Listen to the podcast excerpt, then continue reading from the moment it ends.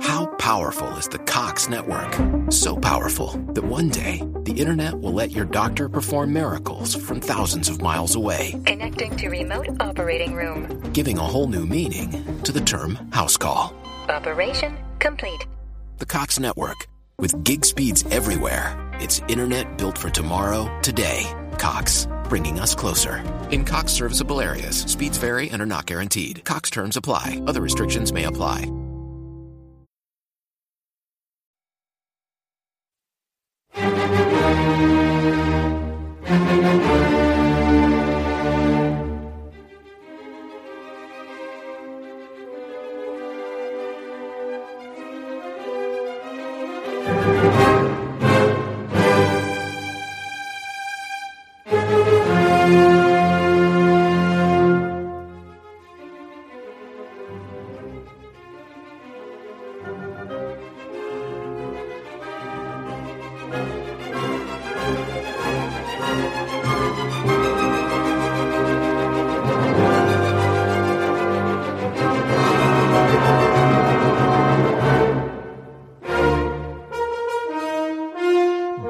Bankar ödet på vår port, på vår civilisationsport, leder vår väg mot stupet.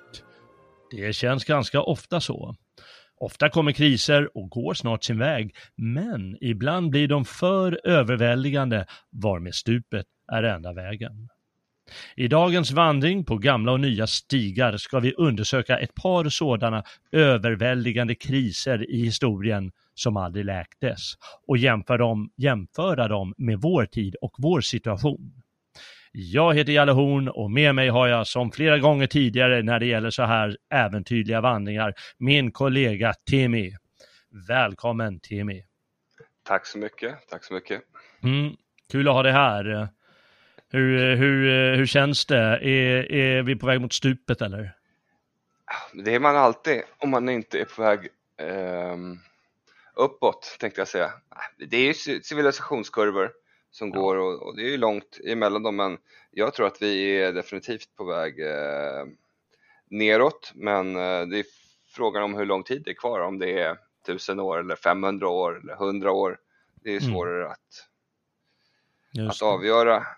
Men eh, med det sagt så kan det ju komma lite ljusare tidigare under 100 års tid. På väg neråt kan det även gå uppåt stundtals. Liksom. Eh, men eh, ja, jag tror att den här hegemonin som vi har nu kommer att brytas. Mm. Ja, vem vet? Vi får väl se om, om en timme när vi är färdiga, kanske. ho- hoppas jag har fel.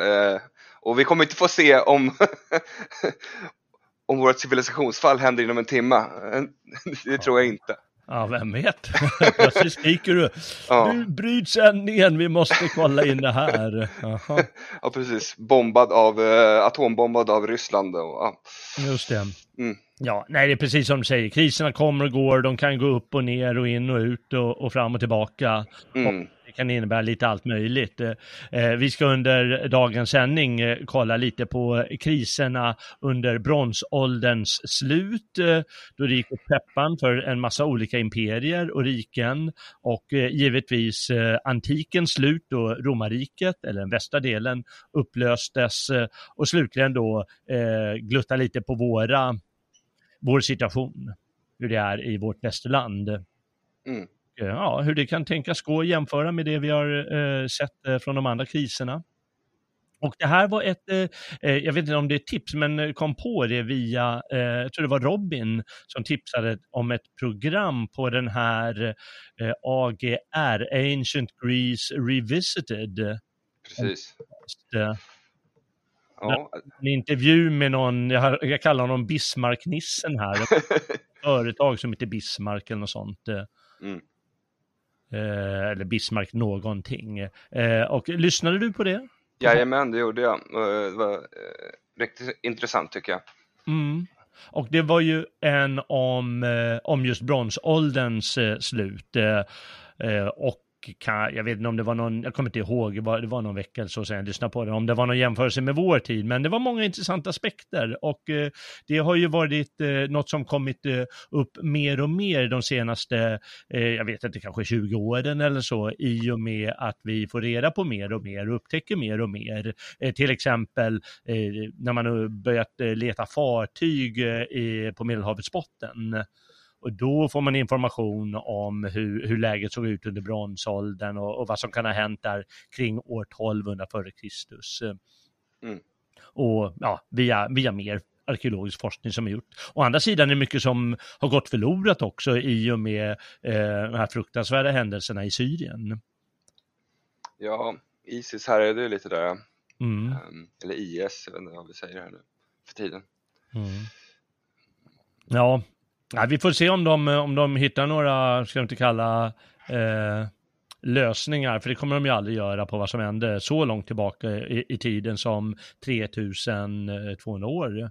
Men, men i alla fall lite mer eh, kunskap eh, om läget då. Bland annat vilka de här jäkla sjöfolken var egentligen. Ja, ja, det kanske du sitter inne på det svaret. Vi får se under, under dagens gång. Men eh, liksom, grundfrågan är förstås om, om vår civilisation är i, i, i fritt fall eller i nedgång. Och vad tyder då på, på nedgång och fall för en civilisation eller liksom en grupp civilisationer eller en grupp riken eller hur man vill, vad man nu vill kalla det. Och det är ju spännande. Eh, har du några, några saker som du tänker på när du tänker på sån lite större kris? Menar du då eller nu? Nej, jag menar överhuvudtaget. Eh. Vad är tecken på, på lite så här större kriser? Ja, det finns ju olika liksom eh, tecken, men ett utav dem som oftast har lett till eh, förr eller senare har faktiskt blivit när de har blivit för mångkulturella. Mm. Eh, det brukar ju vara ett tecken liksom på att då börjar det krackelera liksom Eh, över tiden, med, med, tiden, för folk eh, litar inte li, lika mycket på varandra. Men det, det är långt ifrån den enda anledningen, men det kan ju leda till flera saker liksom. Det är sant. Det är ju en som dels är väldigt kritiserad givetvis och man brukar ju säga att ja, men den sortens analyser lyser, de gick i graven 1945 eh, med rasblandning för att använda det ordet som man gärna använde på 30 och 40-talet i Tyskland och mm. på andra ställen i världen givetvis. Eh, eh, men å andra sidan när du säger där att folk inte, den politiska processen är någonting man misstror mm. i och med eh, det här mångkulturella samhället så är det någonting man å andra sidan idag gärna tar fasta vid. Eftersom vi är måna om det och ser om det, att det är ett problem i vår tid. Misstroende mot politiken och så. Och det är ju ja. en viktig del. Jo men det är bara att kolla, vi kan ta moderna exempel, det, det är ju inte ett rike liksom men eh, ja, Jugoslavien och, och, eh, mm. och så vidare liksom. Mm. Det, det, är långt ifrån, det var ju långt ifrån en bra och stabil statsbildning liksom. Eh, och, och, Rom liksom när det var, varit mer och mer germaner i deras eh, armé. Vad ska man säga, adel eller armé mm. överlag också, mm. då, då flyttas ju styrkeförhållandena liksom. Mm, eh, så ja. är det bara liksom. Ja, de löser sig upp i alla fall, eh, själva eh, legitimiteten för staten kanske och för, eh, vad ska jag säga, vad är min funktion i staten? Mm. Börjar, ifrågasätta, börjar man ifrågasätta givetvis. Och det kommer vi komma in på när det gäller romarna. Så det är ju också en typisk grej. Eh, vanligt är, tycker, brukar man ju se ofta att det är, det är pest och naturkatastrofer som, som eh, jordbävningar och eh, vulkanutbrott och liknande. Jo. Eh, det är ganska populärt nu för tiden med den sorts förklaringar eftersom det pratas sånt här miljö och klimat, klimatfrågor nu för tiden. Så de är väl ganska populära nu. Eh, jo, jo men det, det, det är sant att de verkligen är en utlösande faktor, men där kan vi se, ta skillnaden då. Om vi kollar på eh, kärnkraftverket i Japan som gick mm. åt pipan. Eh, Japan har dessutom blivit atombombat, de mm. har haft eh, kärn, eh, kärnkraftsolycka, eh, men ja, de är ju fortfarande en eh, hyggligt stabil nation. Måste man ju säga. Mm. Men hade det här det hänt i Jugoslavien då, alltså för, ja, du förstår ju skillnaderna som hade hänt. Och där är det ändå rätt så närliggande folkgrupper, men det är ändå lik förbannat olika kulturella uttryck, även fast de kanske eh, etniskt har en del eh, likheter. Mm. Eh, och ja, så det är klart, de kan vara de utlösande faktorerna, men de grundläggande symptomen kommer ju nog ifrån från andra saker. Mm. Ett, ett, stabilt samhälle håller oftast ihop även vid bistra tider liksom. Just det. Och det, det gäller ju även romarriket och det gäller även de här, eh, som man kan kalla bronsålderscivilisationen, att det var ju starka stater, men det var lite för mycket som hände mm. då. Mm. Eh, tänkte bara vi kan eh, bara se allmänt sådana här frågor som, som kommer upp. Ekonomi är ju givetvis en sån, eh, sån sak, särskilt nu för tiden jag vet inte hur mycket man babblade om ekonomi för 150 år sedan, då kanske det var mindre intressant, eller 200 år sedan. Men nu för tiden, de senaste 50 åren, då allting rör sig om ekonomi, då är det ju ganska stor fråga. Och det är mm. givetvis i och med marxismens eh, popularitet de senaste 100 åren, Mm. så är det förstås en, en, grundläggande fråga eftersom den marxistiska analysen i grund och botten är ekonomisk. Mm. Mm. Jo, oftast så länge man har det bra materiellt så kan man ju få det, klistra ihop det och få det att rulla på något sätt. Men ja. det kommer ju kristider och då, då blir det svårare. Ja. Det är ju så, när, när vi inte lyckas betala orten längre, då ja. kan det bli jobbigare. Ja, det kan det bli, ja. Eller när inte staten får in tillräckligt med skatter. Ja, ja och då blir det jobbigare liksom. Mm, det är sant. Ja, eh, det är en grej. Vad tror, vad, tror, vad tror du om, för det är ju populärt att prata om liksom, dekadensen eller kulturens nedgång eller liksom mm. i kultur kan man ju mena konst och filosofi och liknande, att den blir ja, dekadent kommer kanske komma in på vad det innebär nu, men, eh, men liksom någon sorts nedgång. Hur mm. stor del tror du det betyder? Det har också en uh, betydande del. Alltså, det, man får ju se det lite som ett glas tycker jag. Eh, så fyller man på med lite dekadens, så fyller man på med ekonomiska problem, så fyller man på med lite mångkultur. Och så beroende på hur stora glasen är, någon gång rinner det över och då, mm. ja, då är det mm. för sent. Dekadent kultur kan man ju se på många sätt, till exempel där med misstroende för politiken. Det är ju mm. också en form av dekadens i kulturen, att det är någonting, liksom den här kulturella stimulansen som även samlivet innebär som inte fungerar som det ska. Mm. Ja, och traditioners upplösning kanske. Mm. Mm. mm. Ja, vi får se vad vi kan få svar på när det gäller de här gamla eh, grejerna de här gamla eh, fallen, eh, som sagt, bronsålderns slut. Vi, det är väl enklast om vi börjar med den. Mm. Och det är ju någonting som skedde kring år 1200. Och det var en gigantisk kollaps. Mm. Det är alltså en mängd stora riken som fanns då. Egypten var väl det största kanske just då.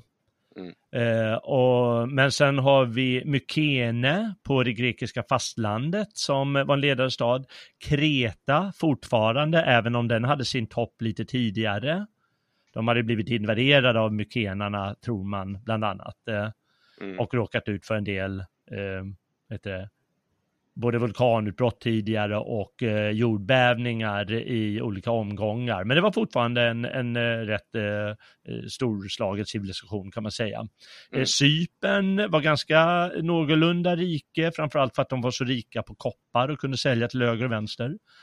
Eh, den här staden Troja som alla känner, eh, känner namnet på. Mm. Det var väl bara en stadsstat och inte ett jättemäktigt rike, men de var faktiskt väldigt kända för sina jätte jättetjocka murar. Mm. Och det måste betyda på en, eh, en betydande rikedom. Ja, bygger man murar någonting så har man ju någonting man vill skydda oftast. Ja, det har man ju. Ja, och de eh, var ju viktiga för eh, de eh, kontrollerade säkert eh, passagen till Svarta havet i Dardanellerna där. Dagens nordvästra Turkiet kan man väl säga. Precis. Ja. Ehm, Eh, men, eh, men de låg i skuggan av det stora riket som fanns till Hetiterriket, eh, ett indoeuropeiskt folkslag som hade ett stort rike där under den här tiden. Och bredvid dem fanns ett annat rike som hette Mitanni-riket, eh, ett folk som kallas huriter framför allt. Eh, olika så levantiska riken eh, eh, där kring, kring, Israel och så vidare. Som också låg i skuggan av Egypten och, och Hetiterriket och så vidare. Men ändå fanns det liksom små länder och, och så. Och eh, i stort sett alla de här gick under. Mm. Eh, det vill säga statsmakten med en centraliserad statsmakt på något sätt. Eh, det bara sveptes bort, förutom Egypten som blev väldigt försvagat och det assyriska riket som också blev försvagat och kanske delvis det babyloniska riket men det blev väl erövrat av de här assyrierna mm. snart. Och det, det som var plupp där kring år 1200 så var allting bortsvept. Fascinerande. Mm. Ja.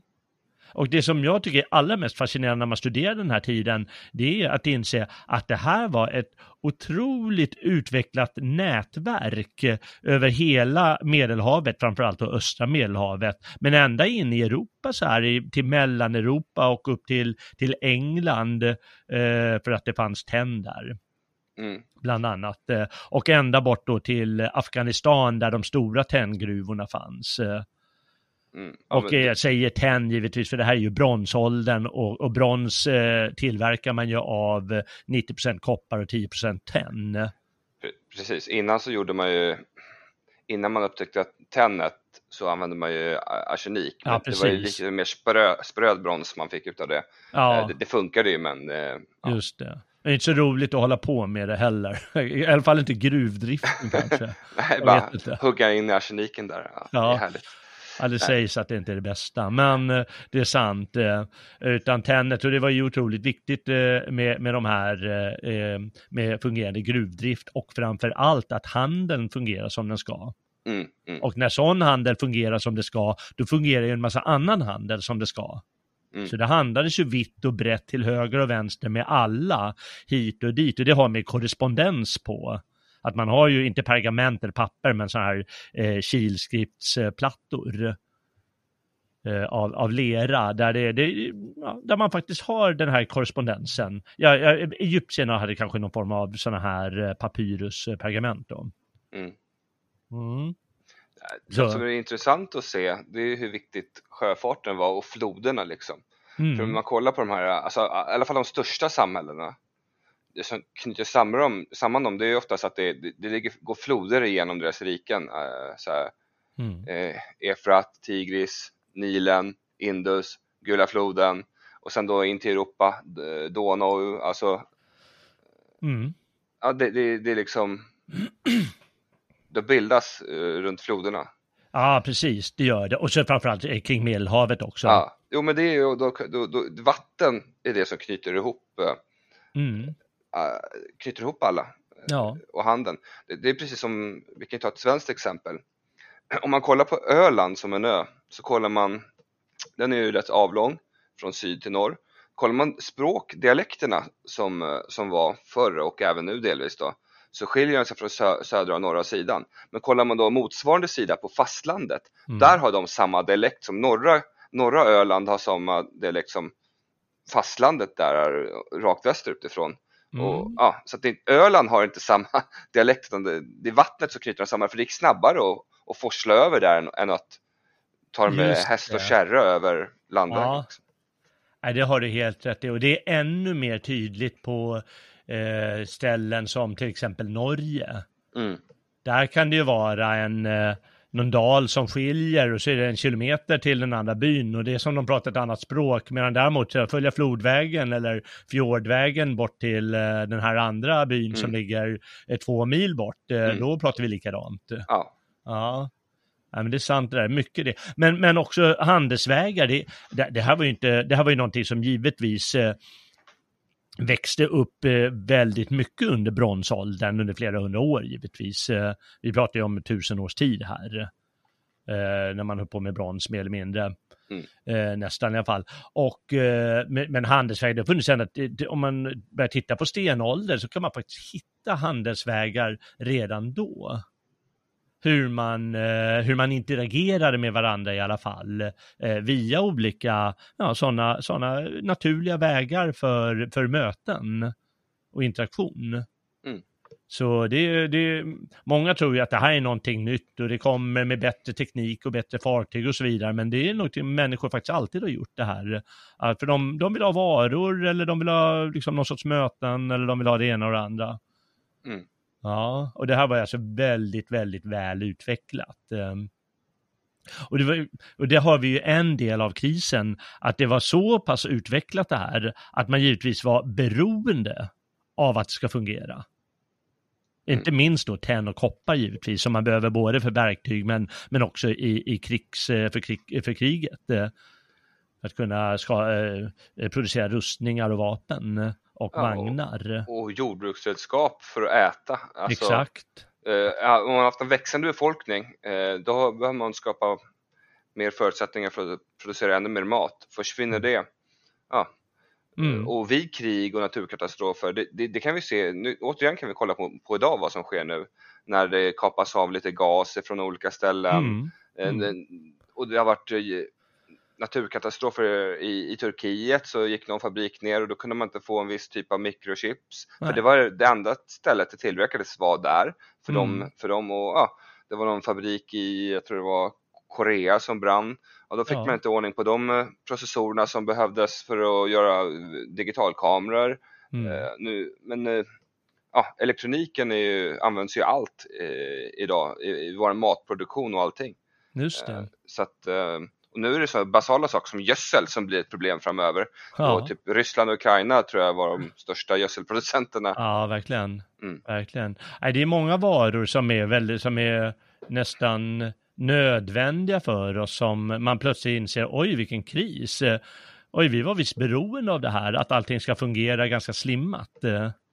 Och när mm. det inte fungerar slimmat, det är då krisen uppstår. Mm. Och i, i bronsåldersfallet var det förstås så att eh, eh, de var beroende av att handeln ska fungera, både när det gäller då tennet och kopparn givetvis allra mest, eh, men även andra varor. För det, då blir den där eh, handelsmannen, han, eh, han kommer inte med de varorna, han kommer inte med de varorna, han kommer inte med de varorna, för han har blivit för fattig eller han kan inte leverera dem eller mm. vad det nu beror på. Och då får vi problem här och vi kan inte forsla vidare varorna dit och så vidare. För eftersom det sitter ihop i ett sånt eh, eh, spännande nätverk. Mm, och då måste vi ta dem, eller ja. Ja, just det. Ja. Ja, eh, nu, nu, nu, hade de ju hela tiden krig med varandra de här eh, Egyptierna och hetiterna och, och babylonierna och, och eh, mykenarna och så vidare. Men det var tydligen någonting man kunde hantera. Mm. För det ingick ju även i det här nätverket att ha diplomatiskt utbyte och att ha, eh, att man, eh, dynastiskt utbyte, att man, ja men här, vem var det, var det, var det någon egyptier eller hetiter som hade jag tror det var en egyptisk kung som hade sju, åtta hetitiska prinsessor. Ja. För det är ju en del av utbytet och, och jämka samman såren i och med att man krigar hela tiden kanske. Mm, mm. Eh, så det ingår på något sätt i spelet, att man, man, man har det här utbytet, men man krigar också. Men vi överlever krigen. Mm. Mm, det är väl om det liksom går för snett eh, och man måste go, go all in i, i, Eh, Eh, i kriget. Eh, men i alla fall, det, man, man, var beroende av det och det vet vi alla, att, som, som vi sa här, att eh, om en del av det här börjar gå åt peppan, då riskerar alla att sjunka. Mm. Det är spännande. Eh, dekadensen är ju, det, det, kan ju inte vi tala, på, för, eh, tala om riktigt, för vi har inte tillräckligt med insyn i deras kulturer. Eh, men, eh, men eh, det är ju roligt att ta en sån här kille som Oswald Spengler. Och av de här kulturerna så har han ju Egypten då som en sån högkultur av dem. Jag tror att det är åtta stycken han tar upp i, i sina historiska genomgångar. Och då, om man tittar här så ser man att just vid den här tiden så har den egyptiska kulturen och civilisationen så att säga gjort sitt. Den har levt sin cykel färdigt och då är liksom en naturlig nedgång. Rent kulturellt sett. Så det kan ju ha funnits där, men det är ganska svårt för oss att säga eftersom vi vet så lite om det, det, det kulturella och politiska läget bland, vad ska man säga, medborgare mer än eh, faraon själv. Och det finns jo. fortfarande mycket att forska kring, för det, finns, man, det är ingen som har läst alla de här stentavlorna som finns. Nej, och ja, det var ju oftast inte det vardagliga livet som eh, visades och som nedskrivs heller, utan det var ju stora händelser eller krig eller ja, faraoerna och ja, deras fruar och allt vad det nu än var liksom. Mm. Mm. Eh, det, det kommer vi se kanske mer på när det gäller eh, romarna eller antikens värld. Mm. Däremot kan vi ju säga att Eh, det här med klimatförändringar vill man ju gärna prata om. Och möjligtvis kan man säga, det, det är vissa som menar att när man studerar pollen eh, på, på Cypern och i, i Levanten och kanske i Turkiet och vissa håll där, så, så ser man att eh, de har anpassat sig efter ett torrare klimat eh, grödor i ett antal hundra år. Och då kan det ju varit att det, har skett vulkanutbrott då tidigare flera hundra år, att det är liksom en, en period av mer och mer torka. Och det mm. vet man ju ofta att eh, sådana här klimatförändringar som, säger vi här, uppstår naturligt. Mm. Eh, att de eh, kan göra det besvärligare eller vänligare för, för människor att leva. Jag menar under bronsåldern var det ju vänligare här uppe i norr, för det var varmare klimat. Mm. Och då växte det mer och det är bättre för alla inblandade. Mm. Mm. Sen kan man läsa någonstans, har jag läst att eh, den här berömda isländska vulkanen Hekla kan ha haft ett utbrott också då och skapat sån här eh, vinter året om mer eller mindre för att solen skyms så mycket. Ja, man tror i alla fall att det är en period av torka och, och problem. Och just kring år 1200 var det också väldigt eh, frekventa jordbävningar eh, på många håll. Eller kanske strax före. Ofta kunde man eh, hantera det, att det går ju ett peppan 50 år, men om man tittar på liksom lite längre eh, perioder för sådana civilisationer så ser man att de, de tar nästan alltid igen det där. Även om det är en jobbig jordbävning eller ett par tre stycken eh, eller klimat, äh, vet det, vulkanutbrott så, så brukar ja, det ordna upp sig efter ett tag. Eh, men det krävs liksom när det är flera saker samtidigt som sker. Mm. Och Då glaset som rinner över. Ja, glaset som rinner över. Exakt. Eh, för eh, ja, ända fram, fortfarande givetvis, men, men eh, för, för kanske 100 eh, till 200 år sedan, då, då brukar man ju säga att den, den, den svåraste eh, stöten, eh, det kom just av, eh, av vikingarna. mm. Och då talar jag givetvis om de här eh, ökända sjöfolken som ingen vet vad det är för några. Och det är därför jag kallar dem vikingar givetvis. Vi vet ju att vikingarna de åkte ju runt eh, ända in i Medelhavet och, och, och provade på att göra räder runt om där också. Ja, fast, fast eh, i, inte kring år 1200 innan Kristus tror jag. Nej, menar du? ja. Men, men däremot när vi ändå pratar om vikingar och klimat så vet vi att de odlade ju faktiskt på Grönland under um, innan 1400-talet. Ja. Och, och, runt där omkring så vart det för kallt. Mm. Jag tror de odlade där i 100-200 år någonting har man sett liksom. Ja. Och där, då, då är det svårt att köpa den här förklaringen med Ah. Förklaringsmodellen med att vi, vi har för mycket bilar och, och sådana här saker nu, den, mm. den modellen blir svår att se. För jag vet inte hur vikingarnas bilar såg ut på den tiden. Nej, jag vet inte heller det. Fabrikerna ja. och alltihop. Ja. Ja. Ja. Nej, jag, håller, jag förstår vad du, vad du vill säga.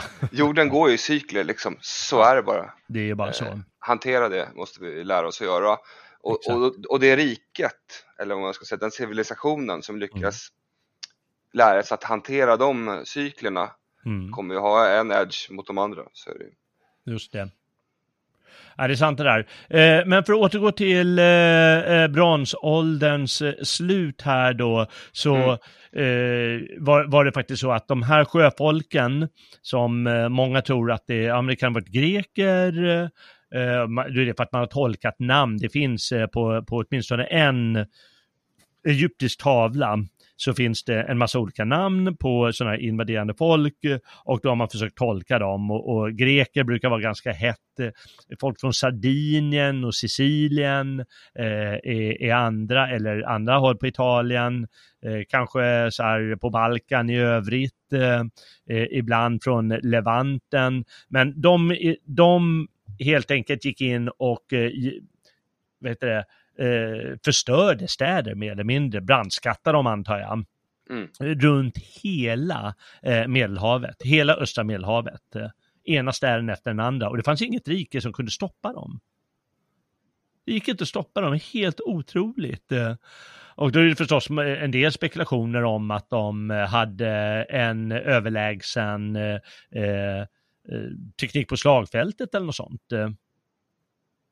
Att det skulle vara en orsak. Eh, jag vet verkligen inte. Eh, det, ja. vet, det är ingen som vet idag vilka de var och hur kunde de förstöra så mycket. Ja, det är frågan så här, var det några berberfolk, fenicier, folk som ramlade in med båtar och, och hit and run grejer liksom, mm. att de var för snabba. Eh, att de var mer mobila, man vet ju inte liksom vad, hur de lyckades eh, göra sådana saker liksom. Nej. Jag, jag, jag, såg någon analys eh, om att eh, man använder ju som sagt eh, de här stridsvagnarna. Mm. Då, det vill säga vagn med, med en förare och någon pilbåge och någon annan krigare. Vi känner ju igen det lite och, från och Iliaden. Och det viktigaste delen där är att de hade de här skites, eller vad säger man? Nästan som liar som stack ut ifrån Ja, det hade man också. Som, eh, när de snurrade och roterade så bara ja, klippte de i benen på folk. Liksom. Ja, och, och det här var ju väldigt länge helt överlägsen krigsteknik eh, eller taktik. Eh. Mm. Men då så möjligtvis skulle de ha haft någon annan, att de har liksom ett starkt infanteri, eh, kanske med, med bra kastvapen och, som de hanterar bra och, och visste hur de skulle, skulle vinna med det är, det är som sagt ingen som vet, men det, är, det finns flera hypoteser om, om det här. Mm. Och eh, ja, i alla fall, det var ingen som kunde rå på dem. De brukar skryta i Egypten att vi, vi, vi krossar dem till eh, sista man, men det var mer eller mindre att även egyptiska riket gick under i och med det här och kollapsade. Och kollapsen beror ju inte bara på att de här kommer och, och, och slåss och vinner segrar på slagfältet, utan det är ju att själva statsbildningen inte klarar av att hålla ihop som den har gjort tidigare när mm. så mycket annat också händer. De här, eh, vad heter det, eh, handelns eh, eh, nedgång på grund av inträngande folk eh, eller på grund av eh, torka eller på grund av vad det nu kan ha funnits för någonting. Så, så, så blev det för mycket på en gång för själva statsförvaltningen. Och förvaltningen är ju viktig. Ja, men om, om svenska statsförvaltningen slutar fungera, ja, då har vi problem med sjukvården plötsligt. Eh, för den är ju mm. statlig. Och vad kommer då att hända? Då kan man börja spekulera i varje sån fråga, eller eh, infrastruktur och så vidare. Mm, det kan vara allt från uppror till vad som helst, man vet inte vad ja, som precis. inre liksom, konflikter. Ja. Eh, och det blev ju inte bättre av att de här sjöfolken eh, verkade som, eh, de, de tog ju med sig eh, hela sitt folk. Det var ju alltså folkvandringar, det var migrationsvågor. Mm. Och det är ju en ganska också vanlig eh, sån eh, förklaring till varför sådana här civilisationer går, går under eller råkar ut för sån svårartad kris. För det är svårt att hantera tydligen, det ser, och det ser vi ju verkligen i våra dagar. Mm. Mm. Ja. Det, det är en fascinerande händelse och det är framförallt en fascinerande tid. Som sagt, jag brukar alltid tänka att ja, men den här krisen var så att det, om man förstår att den var så oerhört stor, då måste man förstå vilket vad vi kan kalla välstånd det fanns eh, i den här delen av världen på den tiden. Mm. Och då så brukar man prata om att det blev en medeltid, och framförallt i, i Grekland brukar man prata om mörka århundraden, då man, man, eh, man glömde bort eh, skriftspråk, man har ingen användning av det längre, och eh, andra saker med statsförvaltning och så vidare, så tog det flera hundra år innan eh, nya former av eh, civilisation och kultur kunde komma till stånd igen. Mm. Vi, vi kallar det för medeltiden, men det engelska ordet och, och vad många andra kallar det för är dark ages. Mm. Eh, och, det, och det här var ju en, ja, en tidig version av den, eller ja, innan våra närmsta dark ages, eller vad säger man? Aha. Eh, för den som vi kallar det, det kom ju efter romarrikets fall kan man väl säga. Ja. Ja, det är sant. Och då blir det en ny Dark Ages. Mm. Det, de kommer ju också med jämna, me- med jämna mellanrum, sådana här Dark Ages. Mm. Förstås. När, när det händer sådana här stora kriser. Ja, ja, det, det, det är spännande. Vi får hoppas att forskarna kan eh, hitta mer eh, svar på allt som hände då eh, på den tiden kring år 1200. Vissa brukar säga 1177 tror jag, eller 1186 beroende på lite hur man räknar. Men då brukar det finnas, så det, det finns sådana YouTube-videos som sånt där, hur det var på den tiden. Man vill googla så här 1177 before Christ eller något sånt.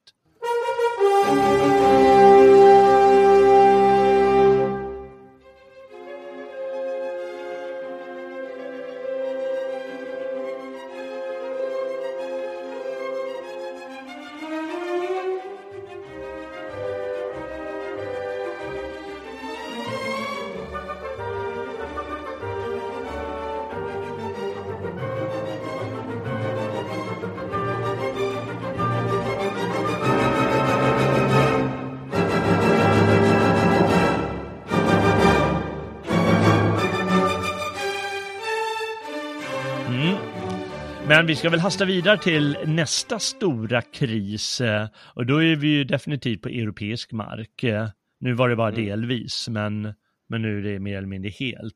Och det är förstås eh, den antika världens slut. Och med den antika världen brukar man ju eh, framför allt tala om eh, Grekland och Rom. Och romarriket hade ju lagt under sig eh, hela vet du, medelhavsvärlden och eh, ända upp till England och eh, med, med en gräns mot eh, de här besvärliga folken som kallas germaner. Mm. Där finns ett vakuum, finns det någon som absorberar det. Det var Ja. det romarriket Mm. gjorde efter efter de här tidigare civilisationernas fall liksom. Ja, och vad hände då då egentligen? Eh, vi vet ju att eh, 476 då, då föll det västromerska riket eh, slutligen samman eh, och mer eller mindre togs över av eh, barbarer, att det var de som satte sig själva på tronen. Mm. Eh, den östromerska delen, den levde vidare och det är det vi senare kallar Bysans. Så det var inte så att allting upplöstes, utan det var just den västromerska delen som gjorde det. Och eh, en som var den, eh, en, en historiker som eh, var den första som kom ut med så här, ja men nu ska jag genom, göra en stor undersökning här. Eh, varför? Det var en engelsman som hette Edward Gibbon och hans eh, Decline and Fall of the Roman Empire tror jag den heter. Han gav tydligen fyra förklaringar. Och det ena var då att det var naturkatastrofer under några hundra år fram till dess. Eh, den romerska statsorganisationen löstes upp eh, också. Eh, vi har samtidigt barbarer då som härjade och då har vi våra germaner som vi gjorde ett program om eh, eh, i, var det januari eller februari? Mm. Hu- Hunerna. Mm. Hundarna och en massa germanska folk. Mm. Eh, och sen så hade vi, skrivit någon så här kristen, liksom, upplösning av traditioner på grund av att kristendomen tar över. Och Mm. då, ja, då är det någonting som händer. När kejsaren inte är gud längre. Nej, precis. Eh, och det är något så, det, det tror många hände även under den här bronsålderstiden. Alltså de gamla gudarna svarar inte. Ja, Mm. då tittar jag på härskaren, han är en inkarnation av den här gamla guden, men ja, men den där gamla guden bryr sig om oss längre, då är ju inte den där kungen en halvgud längre, utan då är han bara en vanlig snubbe. Mm.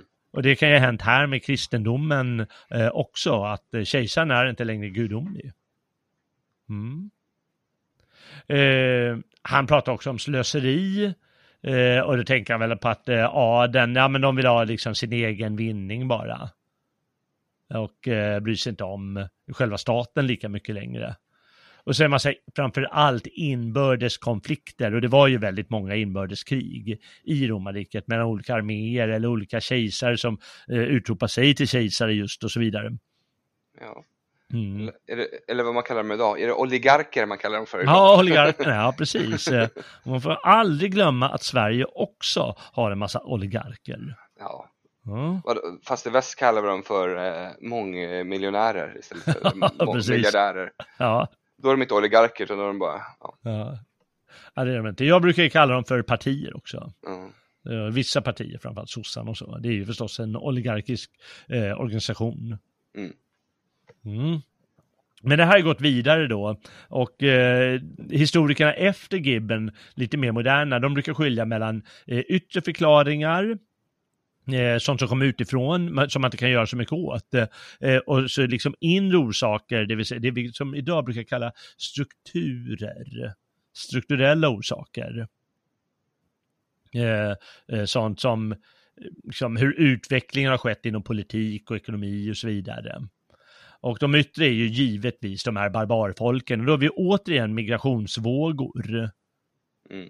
Av olika skäl. Och eh, under den här, eh, vad heter det då, bronsåldern, då var det ju, då tror ju vissa att, eh, ja men det trycktes på folk från eh, Mellaneuropa kanske och eh, migrerade neråt, eh, söderut. Eh, och i sin tur utlöses då en, en liksom stöt så att de här folken som bor i södra Europa, ja, de ger sig i sin tur av vidare, ungefär som hunnestöten satte fart på de här germanska folken Mm. in i romarriket. Ja, ja det är ju en eh, självklar förklaring. Eh, ehm, vi har ro- romersk rasblandning givetvis, eh, som du var inne på förut. eh. Eller var det jag? Ja, det var nog vi. Ja, det var nog vi. Ja. Eh, Det var ju eh, givetvis poppis då eh, första halvan av 1900-talet. Inte bara i Tyskland utan på många håll i världen. Mm. Mm. Och ja, men givetvis kan det är inte samma, du sa det ju väldigt fint där att jag har inte samma motivation eh, att ägna mig åt eh, eh, statsangelägenheter då. Nej, men det blir lite så när man inte ser att den som leder den är, är av, av ens egen stam. Mm. Då blir man inte lika tro, trogen den liksom. För folk tenderar att ha sitt eget folks bästa först liksom. Mm. Eh, Det är en tendens inom mänskligheten.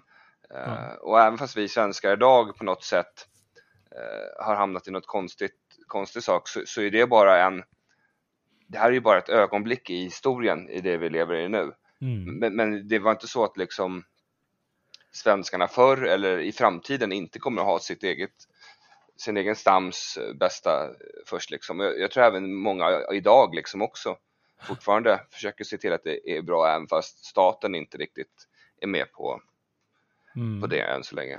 Just det.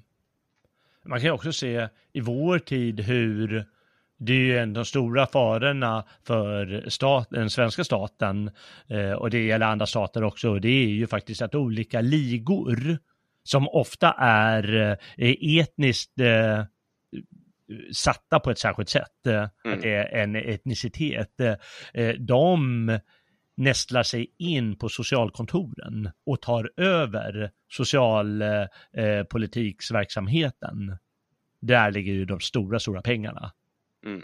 Och de kommer ju gynna sina egna givetvis. Och om det händer på många håll, då har vi liksom en sorts etnisk uppdelning. Och då har vi den här rasblandningen eller multikultin, vad den kan orsaka. Jag, det behöver inte ens vara en, blandning av folken, det kan vara att de lever sida vid sida i samma stadsbildning. Mm. Det är bara att ta då, vi har ju nu, nu, exempel från nutiden där eh, när en kurd liksom sätter stopp för eh, om vi ska ingå i en stor allians eller inte. Eh, Mm. jag, jag säger inte att vi ska gå med i alliansen på något sätt, eh, NATO, men, men eh, det ska inte vara upp till, till henne att avgöra det. Nej, just det. Nej.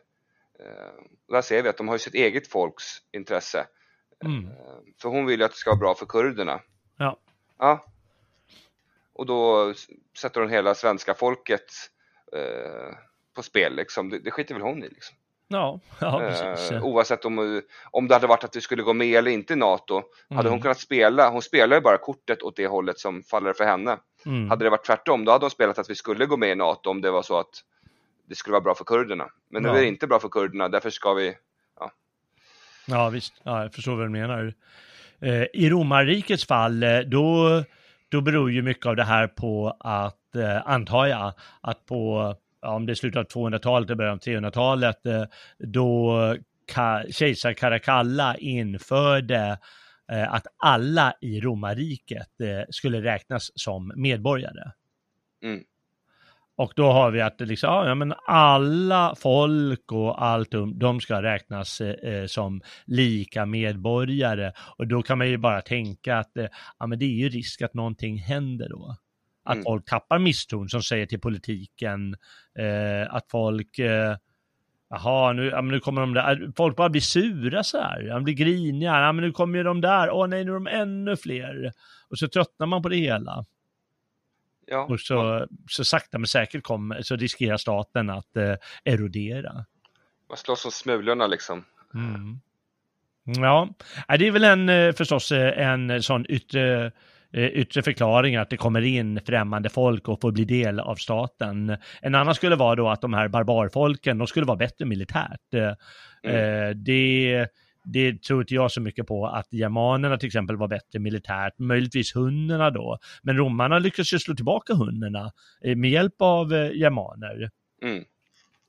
Så det, det är väl en möjlighet, men det är inte så troligt i just det här fallet. Eh, Men ibland är det ju så att eh, eh, in, de, de, de man hamnar i krig med är överlägsna militärt och då, ah, då, då går man under bara. Mm. Ja. Eh, vissa pratar om klimatförändringar givetvis som en yttre förklaring och det skulle varit liksom blyförgiftning bland annat. Eh, eh, bland, eh, av, av, genom vad heter det, eh, bly som kommer i vattnet man dricker. Eller sjukdomar eller sämre jordar och så vidare. Men Det är möjligt, eh, men eh, det vet man väl inte helt mycket om. Man vet ju att det blev sjukdomar under 500-talet framför allt eh, med den här justinianska pesten eh, Mm. som gjorde det mycket svårare. Men då var ju redan det västromerska riket, det hade fallit redan då. Ja, det var ju definitivt, ja, Östrom, eller ja, drabbades ju hårt av, av pesten liksom. Ja, precis. Men de överlevde ju som statsbildning. Jo, jo förvisso, men det var inte samma, det var ju inte samma, var inte Rom längre på det sättet. Alltså, Östrom gjorde ju, eller eh, en stöt att försöka ta tillbaks och bilda ett Rom liksom. Mm. Eh, De återerövrade, eh, återerövrade hela Italien ju och, Mm. och, och, och västra Nordafrika och, och en del av Iberiska halvön liksom. Mm. Men sen räckte ju inte res- resurserna till och då samtidigt när de började märka att nu räcker inte resurserna, ja, då tågar pesten in. Ja. Ja, det, det är så här dåligt taskig timing. ja, ja. Ibland kan man inte göra något eh, åt tajmingen. Och, och då ska man säga, då började ju araberna också förenas samtidigt här under en islam Ja, och började göra sina försök att hacka på österifrån liksom. Så det var då ytterligare taskig timing liksom. Ja. Eh, Men de, de klarade sig ändå intill 1400-talet någon gång innan, innan de gick under till osma, osmanerna. Mm. Ja, det är sant. Eh, sen så eh, pratar man då om så här strukturella förklaringar eller orsaker. Och en då skulle då till exempel vara att kristendomen, det blev ju statsreligion och eh, det blev ju fler och fler. Från början, då eh, gjorde man med jämna mellanrum, förföljde man ju de kristna. Mm. Men sen blev det ju statsreligion så småningom eh, i Rom och då är en, en idé att ja, men man glömde de traditionella dygderna. Eh, man, man, glömde, inte glömde, men man liksom, ja, de, de lades åt sidan mer eller mindre. Mm. Eh, eller det kan vara liksom eh, gamla kulter man hade tidigare. Mm. Som ändå knyter folk samman på ett naturligt sätt som det gjort i flera hundra år. Och när de kulterna glöms bort, ja då, då glömmer man, då blir liksom livet kanske inte meningslöst, men det på något sätt ger inte samma styrka åt folket längre. Och där kan vi jämföra nu med det. Sen så med tiden så vart ju kristendomen en kult.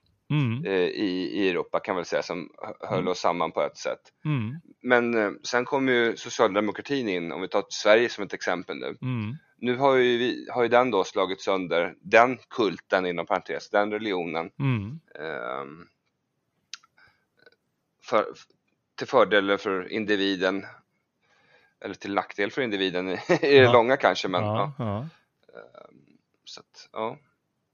Ja, Nej, det är mycket som kan hända. Eh, vi, vi, kommer nog komma in på det snart när vi ska bara granska lite om västerlandet på slutet här. Eh, mm. men vi kan nämna något, det här moraliska förfallet har ju också samman med det, att man glömmer de traditionerna, dygderna, kulterna och då skulle eh, moraliska förfallet hänga med. Men så har ju folk alltid talat å andra sidan, att mm. ja, det var ju bättre förr. Ja, och allt kanske inte var det, men Nej. en del saker var det. Ja, en del saker. Men, men jag läste någonstans att det är ingenting i källorna som tyder på att folk skulle vara mer dekadenta eh, under den här tiden än vad de var 400 år tidigare. Å andra sidan. Men jag tror att det finns någonting i den här liksom samhörighetskänslan som, som har gått förlorad helt enkelt. Eh, och det kan ha spelat roll. Tillsammans med allt annat. Mm. Jo, jo, men det är klart. Och i och med kristendomen, när den tog in och var statsreligion, mm. Eh, så då kom de in i ett försvagat Västrom, om man säger mm. så då. Mm. Eh, och behövde en armé. Mm. Ja, då stod ju frankerna där med en annan kultur och, och så vidare. Mm. Eh, ja, då var, förhandlade de till sig att ja, men ni får vara vår armé mer eller mindre, men då, ja. Just det. Man Där måste... har du också liksom en, då flyttar man ju hela makten ifrån Rom till frankerna liksom. Ja, det gör man. Och det händer med många andra. Det är liksom mm. många romare också som bryter med staten och säger, mm. men jag, jag skapar mitt gods och mitt lilla minirike här istället. Jag skiter i, i den romerska staten. De, mm. de, de ger inte mig något som uh, Leif Östling säger. Mm. Så det är väl bara blivit så. Vad fan får jag för pengarna? Ja, vad får jag för pengarna? Nej, ingenting. Ja, då, då har jag en egen liten stat här nu. Ja. Mm. Där i Gallien någonstans, långt mm. bort. Eh, eh, ja, varför inte? Och eh, de här, eh, man brukar ofta säga att de här eh, germanerna, de tog efter romerska seder på många sätt, eh, men inte helt ut. Och när de väl fick makten så till exempel eh, östgoterna i Italien, de skilde ju mellan lagar för germaner och lagar för romare när de väl härskade där. Mm. Så det kommer hända någonting så småningom, även om det liksom sker det första som händer när staten håller på att gå under. Ja, men det är ju som vi har lite grann nu. Vi har ju olika lagar för olika befolkningsgrupper i Sverige. Exakt, exakt. Och det bör man nog fatta att eh, ja, men det är ett tecken på att eh, krisen står runt hörnet, eller kanske redan vi är mitt inne i den. Jo, jo precis. Eh, och en kris är inte bara, ah, nu hände allt på en dag, utan det, mm. det kan ju vara en hundraårig kris. mm, det kan ju vara det. Eh, I, eh, I Roms fall, Västroms fall var den absolut största eh, det största problemet troligtvis en, en, ett ekonomiskt problem, en ekonomisk kris. Och vi, vi sa ju hur germanerna, de trängde igenom de här befästningarna eh, ungefär, jag vet inte, nyårs, eh, nyår 408, 409 eller 410. Jag kommer inte ihåg vilket år. Gör du det? Ja, inte på rak hand. Då, något av de åren, då trängde de in i Gallien, germanerna. Och eh, då sam, ungefär samtidigt så förlorade man även då, eh, eller övergav romarna eh, Britannien. Och eh, inte så många år senare hade man förlorat Spanien. Så de här stora eh, skatteinkomsterna förlorar man därigenom. Det vill mm. säga i de här provinserna. Och det gör ju jättemycket, för vad går pengarna till i första hand? Ja men det är ju hålla ihop armén och... Jaha.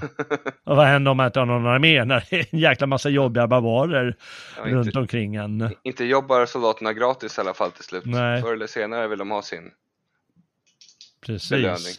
Precis. Så då, ja man blev ju beroende liksom att eh, skaffa bundsförvanter istället för att skaka fram egna i, i, eh, arméer. Och som du sa, de har ju sina intressen och sin, mm. vad, de, de, vad de vill ha och sin kultur och, och alltihop. Och det där gjorde att det givetvis löstes upp mycket snabbare i, i väst då under 400-talet. Allt medan det där hände inte på det sättet i den östra delen av romarriket. Uh. Eh, en, en viktig sak som hände med det har med hela kulturen att göra i romarriket och det är ju att eh, städerna övergavs sakta men säkert från och med 300-talet eh, allt mer. Och det var ju ofta att eh, om du eh, om du inte kunde överleva i staden, ja då eh, du fick, eh, du blev plågad som bonde eller vad som helst, liksom. då tog du liksom en sorts eh, anställning hellre hos en storgodsägare. Och så blir det en liten stat i staten där och då förlåter de återigen skatteintäkter. För de här stora storgodsen, de betalar inte skatt. Eh, och det var ett stort problem. Och eh, hela liksom, den här antika världen var ju en stadskultur. Istället för medeltiden, det är ju en landsbygdskultur i, eh, i västra Europa. Mm. Och det betyder liksom att liksom allting ändras, förhållandena ändras, infrastrukturen ändras. Till och med kyrkan, kulturen, de flyttade från städerna till kloster, och ligger ju på landet. Och så, ja, då, då kan man ju fatta att det är liksom någonting som gör att det, att det gamla inte, ja, det, det, det håller inte längre, eller finns inte längre. Nu har krisen blivit total och det blev ju den där under 400-talets lopp. Och under 500-talet, ja då, då var det goodbye liksom. Med den antika världen i västra Europa, Italien och, och Gallien och, och, och så, Spanien och Britannien. Mm. Så var det med, med de två kriserna som blev lite för stora. Och då är den stora frågan, håller vi på att möta samma öde?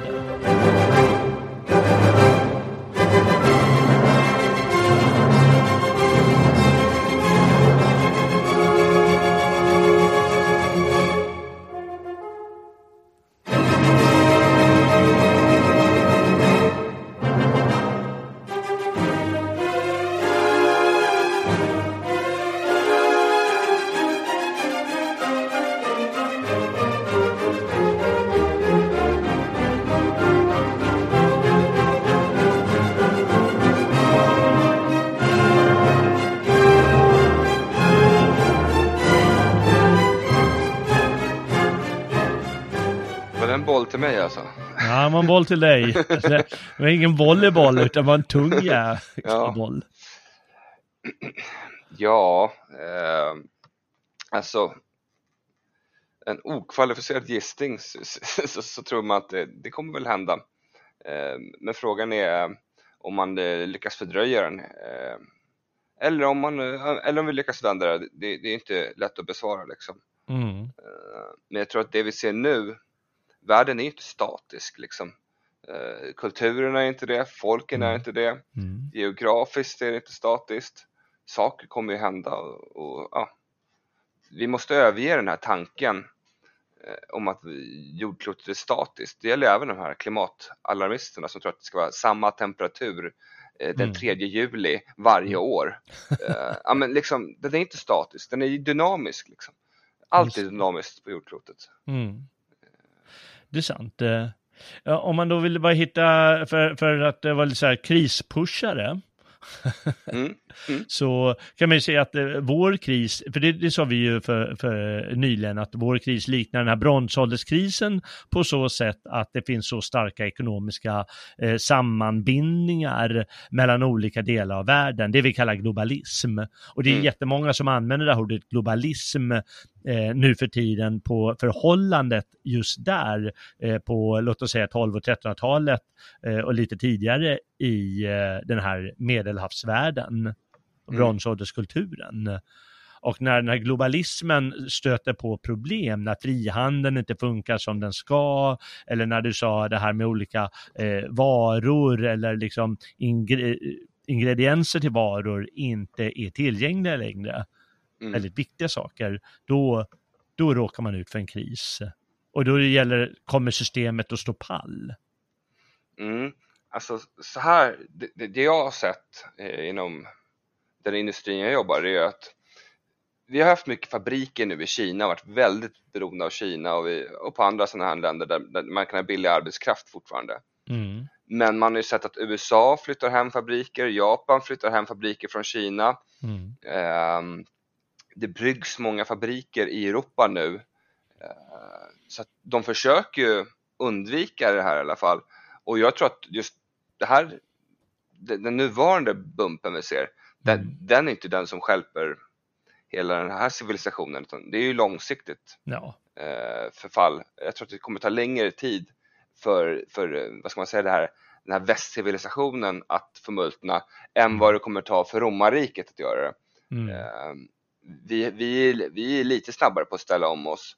Okej, Eh, Så, jag tror Mm. att, tror jag, Ja. så jag tror att det kommer ta längre tid. just det. Eh, Och då får man se, eh, kommer den här tiden som den här typen av civilisation vi har köpt oss, kommer vi kunna ställa om oss och bli, vad ska man säga, mindre dekadenta, mindre, ja, kommer vi kunna hålla glaset eh, lagom tomt för Ja. att eh, det inte ska rinna över? Det är, Jaha. är svårt att veta alltså. Ja, det är svårt att veta. Det är, ja, det är verkligen. eh, Man kan ju säga att eh, i viss mån stod det pall kulturen Mm. och eh, liksom statsbildningarna eh, med de fruktansvärda eh, clasherna i två världskrig. Då liksom Mm. framförallt de stora kulturerna i Europa, Frankrike, den franska, tyska och engelska och kanske i viss mån ryska, eh, liksom slog varandra sönder och samman, så överlevde det ändå. Och det har skapat stor kultur eh, under 1900-talet. Eh, Mm. Även av, även av jänkarna liksom. Jag tycker det är häftigt med film och, och, och kalanka och så också. Det är också Mm. högkultur på många sätt. Eh, Så det har inte gått sönder av det. Men man kanske kan se ett annat förfall. Det är många som pratar om värdenas förfall. Och du nämnde det här med kristendomen. Ja, men Socialdemokraterna tror att de kan ersätta en kristen kultur eh, med sina urvattnade begrepp. Mm. Och där kanske faran ligger. Eller det konstnärliga förfallet som vi ser under modernismen med, med eh, föraktlig arkitektur eh, och eh, konst som ja, det är många som uppskattar det, men de uppskattar det av ganska eh, oestetiska grunder kan man säga det. Ja, så är det ju. Och, och, men det man ändå ser, man ser ju ändå de här, det jag inte vet om det är, om det är någon form av motstånd eller om det är någon form av nyväckelse. För man börjar se här och där i Europa, Mm. i, i nya hus som byggs, att de Ja. går tillbaks till viss Mm. klassisk eh, arkitektur faktiskt. Ja, Eh, och, och man börjar ändå se så här, nu, nu, kanske man är lite i sin bubbla och man upptäcker just dem mer. Mm. Men man börjar ändå se bland liksom vänner och, och, och folk som vill de vill flytta upp till landsbygden kanske Mm. för att ha lite Mm. mer klassisk familjebildning. Men då har vi råd, då kan den ha mer tid med barnen. Eh. De vill inte säga liksom, nu ska kärringen vara hemma. Utan, utan då säger de bara, då får det lite mer, hon eh, kanske mer tid med barnen, kanske jag också. Eh, Ja. ja. du vet sådär. Eh, de erkänner det inte för sig själva liksom. Eh, men eh, Ja. så landsbygden flyr vi ut till och, och vi snackar då Roms förfall, där sa du att det var väldigt statsorienterat och, Mm. och då flyr, flyr folk ut till landet igen. Ja. Är, är det också ett tecken på... Eh, Förfallet. ja, det är väl kanske, ja det är svårt att säga. Det är väl tecken på att eh, förfallet har hänt och Mm. att vanliga människor försöker göra någonting åt det. Mm, Och eh, vi sa ju den här Spengler förut och han talar ju om en, liksom, eh, en uppenbar civilisatorisk nedgång som kommer ske för västerlandet. Det är, det är därför hans bok heter Västerlandets undergång. Eh, Någon gång kommer det att hända, även om han då kanske säger att enligt hans cykelmodeller så kanske det dröjer ett par hundra år eh, från det att han skrev det i början av 1900-talet. Eh, men det kan ju vara att det, det är liksom på gång. Eh, det är bara det att eh, det förnekas. mm, Jag, menar, det var, jag satt i en chattråd och det var någon, som, eh, någon klok som skrev att eh, eh, de, de här som älskar multikulti och eh, eh, tror att allt det är tecken på, eller transgender och allt det, det, det är tecken på kulturens framgång. När det är den som är inställd, då, då ser ju inte de problemen de skapar och som de håller på med. Och då kommer de få en chock en vacker dag. Att eh, värdena, de förfaller, bara att folk är blinda för det. Och eh, då samtidigt så sker det att vissa människor flyttar ut på landsbygden. Och det är svårt att se om det är hela kulturen och civilisation som håller på att slå sönder eller om det bara är sådana här upp och nedgångar. Ja, ja, Mm. men nu gör folk någonting åt det här. Att de åter börjar ta till sig lite vettigare arkitektur och eh, eller hålla på med kultur på lite intressantare sätt än det här rent experimentella. Eller boendet då, liksom min livsvärld, hur jag ska ordna den. Och att det kanske liksom blir en resning. mm, Det är svårt att säga allt det där, givetvis. Eh, Man kan ju bara titta på tecknen.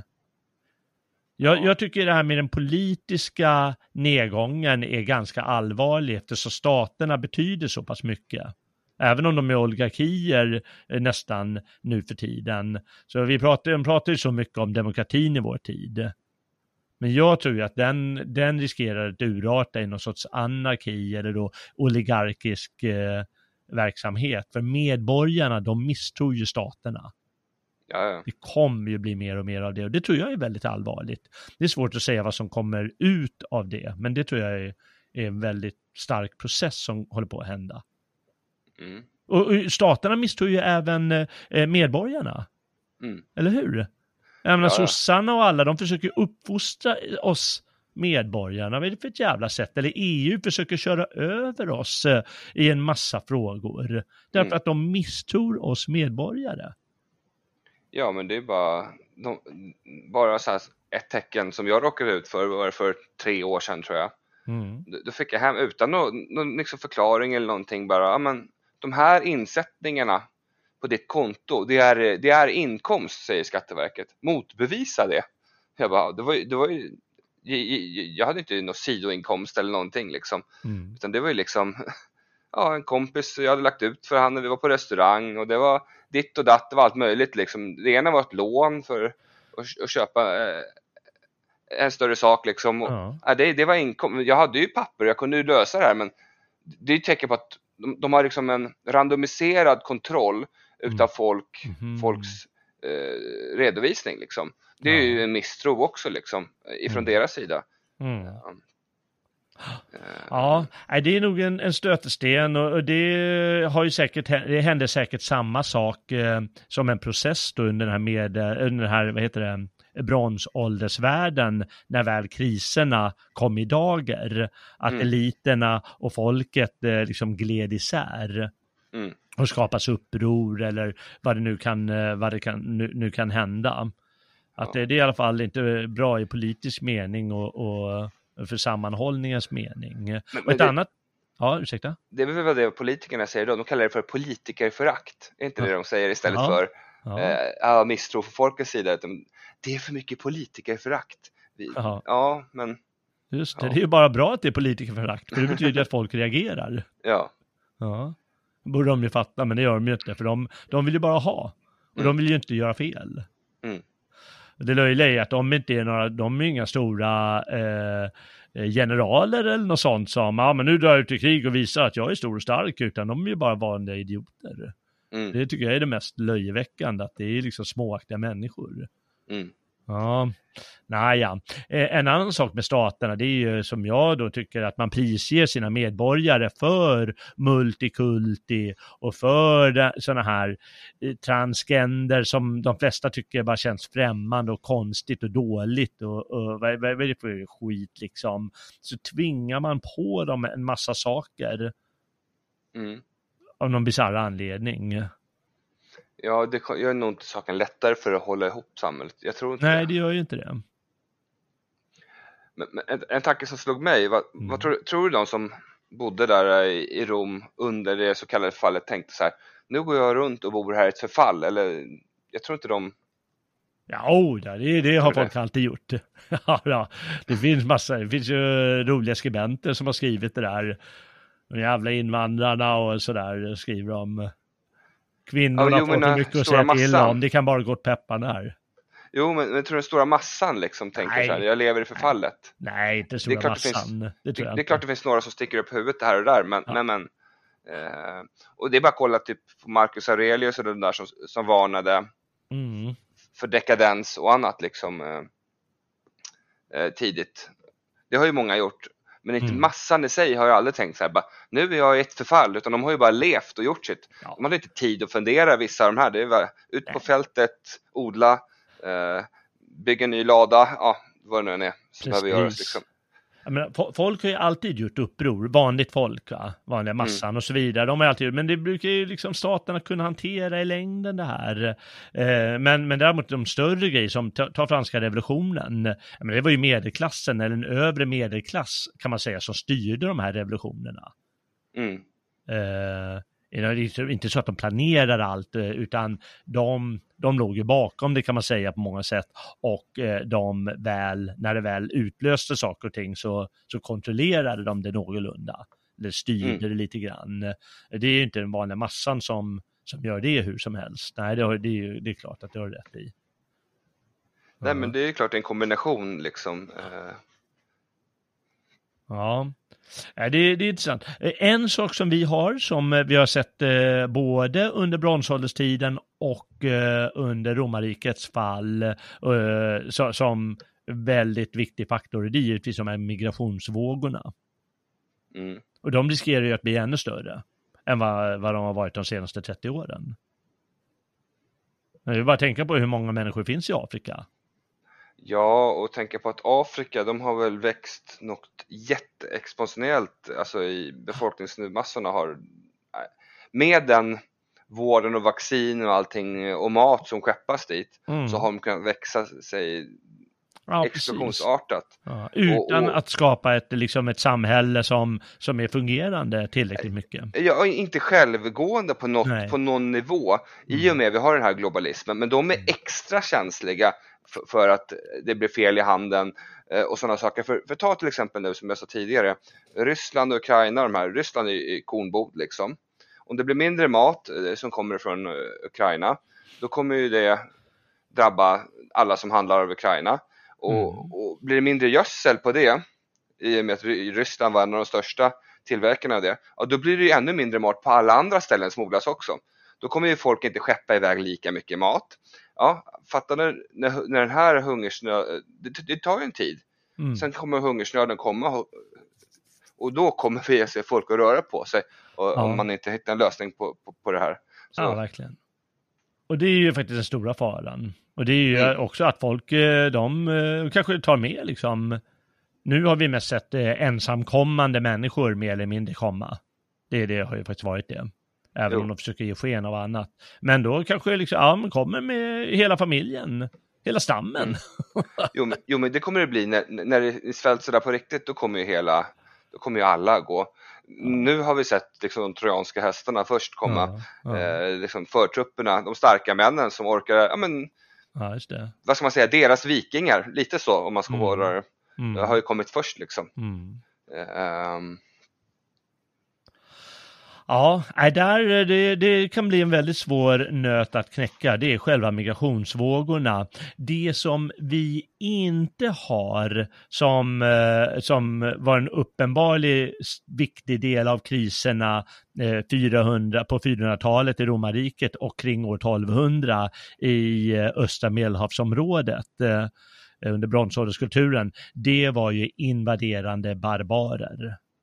Vi har jobbiga migranter, eh, mm. invandrare, eh, som, som är besvärliga, men det är inte så att de kommer, tränger in över gränsen med vapen i handen. Nej, och ja, förvisso eldar de våra bilar, men de eldar inte upp städer och, och, och Nej, men det kommer inte riktigt liksom. dit än. Nej. Och eh, det är någonting som vi inte har och där skiljer det sig ganska, ganska mycket åt eh, eh, våra civilisationer idag jämfört med då det vi har sett då tidigare, våra tidigare två exempel. Och det kanske är ett, eh, en anledning till att det inte blir den sortens kris i alla fall.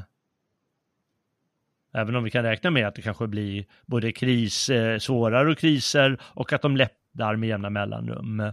Men, men vi slipper de här invaderande barbarerna, verkar det som. Vi får väl se. Vem vet? Ja, vi får se. Nu ja. är det, vad är det man brukar säga, krig i Europa. ja. Så att vi får väl se.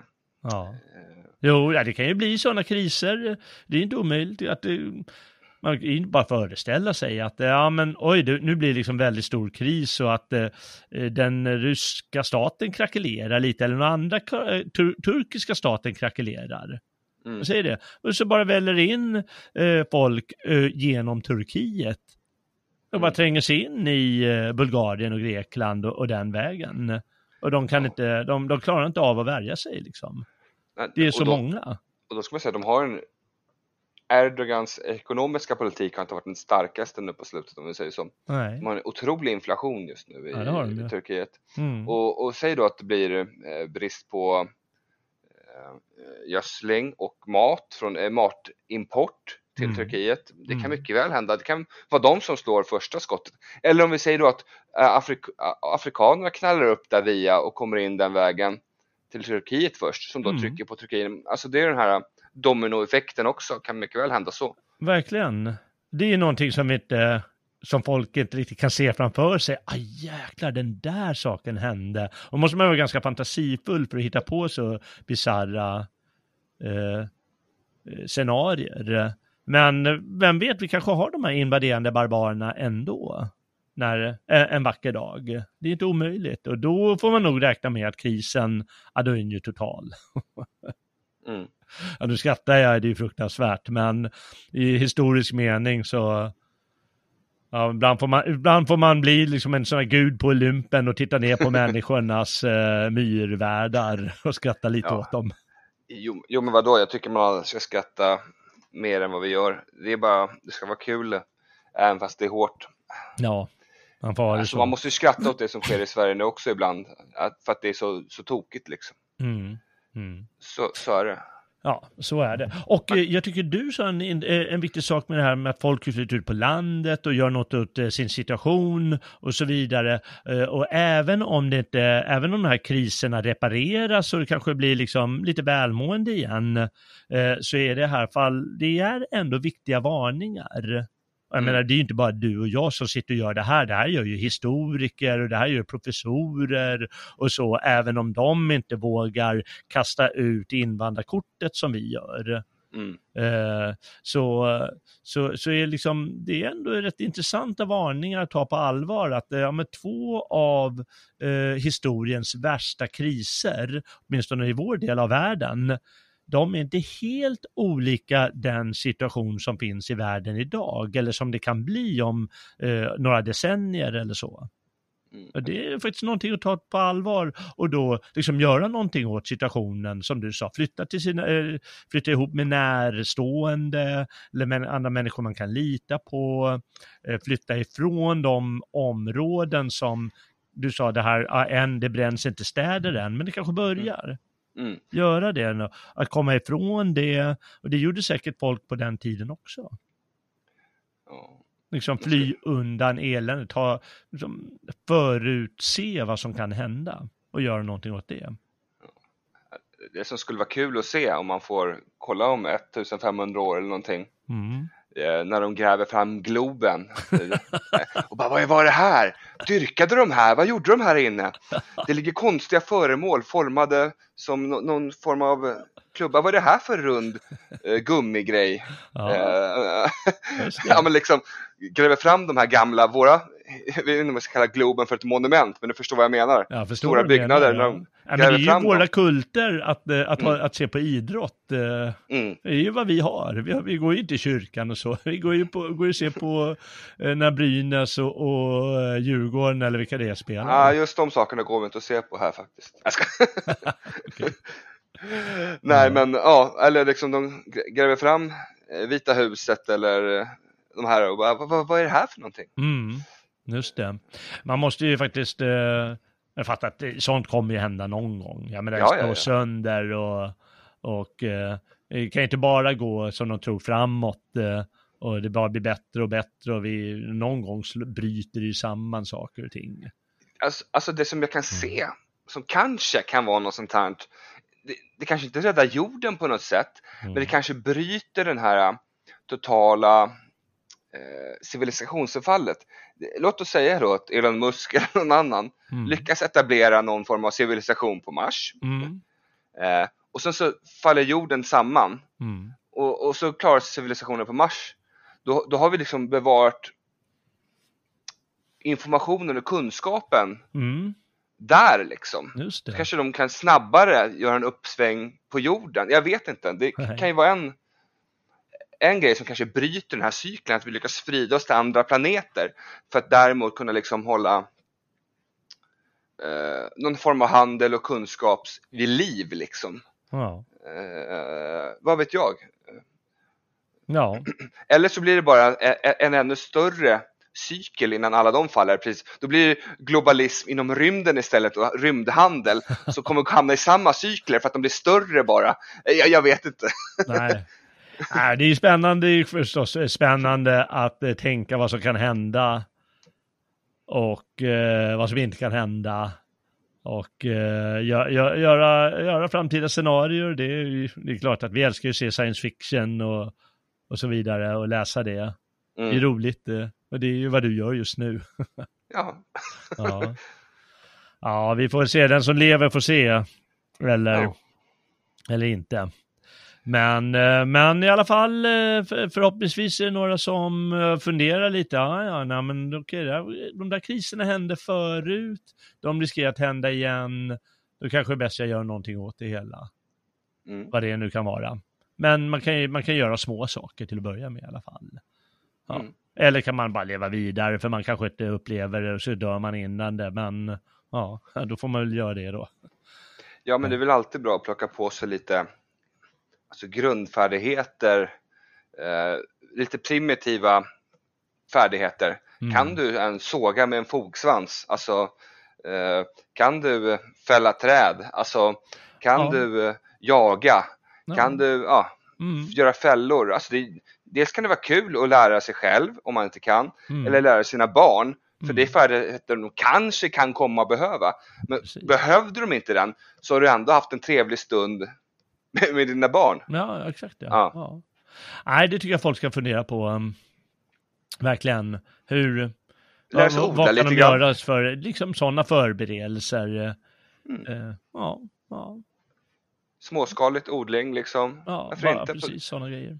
på balkongen om man inte har mer än så. Ja. Eh, Bara, bara så man vet hur man gör som du säger. Ja. Man har Ja. provat på det. För det betyder mycket mer än man tror. Mm, oh ja, alltså när jag skulle lära mig att odla, nu, det var ju verkligen, jag hade ju lite kunskaper från min morfar som han lärde mig liksom. Mm. Men sen använde man inte dem på länge, sen när man plockade upp det igen för tio år sedan eller någonting. Mm. Det var ju så mycket saker som gick fel, Mm. som man inte gör fel längre. Liksom. Nej, just det. Ja, ja Mm. precis. Och det är ju värdefullt. En vacker dag kanske. Mm. Kanske, kanske var helt i onödan, men... Ja, Men men, det, det var lite kul och spännande. Frustrerande ibland när man lagt massa tid på någonting som bara Ja. dog. Ja, Men ja, det får man lära barnen sen också. Så att, just det. Nå, vi får se hur det går med krisen eller inte. Det, det ska vi inte vi svara på nu. Vi, vi, har, eh, vi har väl sagt det vi har att säga, eller har, har du något spännande att tillägga så här på slutet? Nej, det har jag faktiskt inte. Nej. Det finns mycket att avhandla i det här ämnet, men vi skulle ju vara lite mer svepande över alla de här. Ja, det är väl svårt att vara något annat eh, när man ska ta så här stora skeenden. Mm. Men eh, det, är- det, är- det är ju roligt att spekulera i och det, är, eh, det gör man ju med hjälp av, av kunskap om vad som har hänt tidigare. Så ja, jag råder folk, läs lite om det här för det är spännande saker om den bronsåldern och, och eh, antikens upplösning och så vidare. Eller se på eh, filmer om det, dokumentärer och så vidare.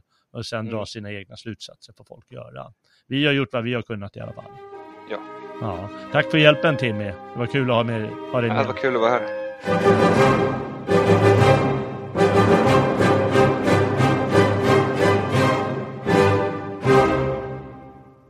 Eh, tack också för att du har vandrat med på gamla och nya stigar, du som lyssnar. Även nu på sommarsäsongen då vi kör mer sporadiska vandringar ungefär varannan vecka. Men de gånger vi kör är det bara att ta staven i högsta hugg för några spännande äventyr här på stigarna. Och tack också till alla stödprenumeranter som gör det här möjligt. Du vet väl att du kan stödja Svegots verksamhet genom en stödprenumeration eller en donation. Och ifall du vill bidra, det är frivilligt, gå in på svegot.se och klicka på stödprenumeration eller donera. Eh, de som är stödprenumeranter, de får vissa, vissa fördelar. Eh, det kan jag inte dra alla här. Eh, på svegot.se kan du också se alla våra andra program och tidigare avsnitt här på gamla och nya stigar. Jag heter Jalle Horn och säger tack för idag i väntan på nästa vandring. Väl mött frände!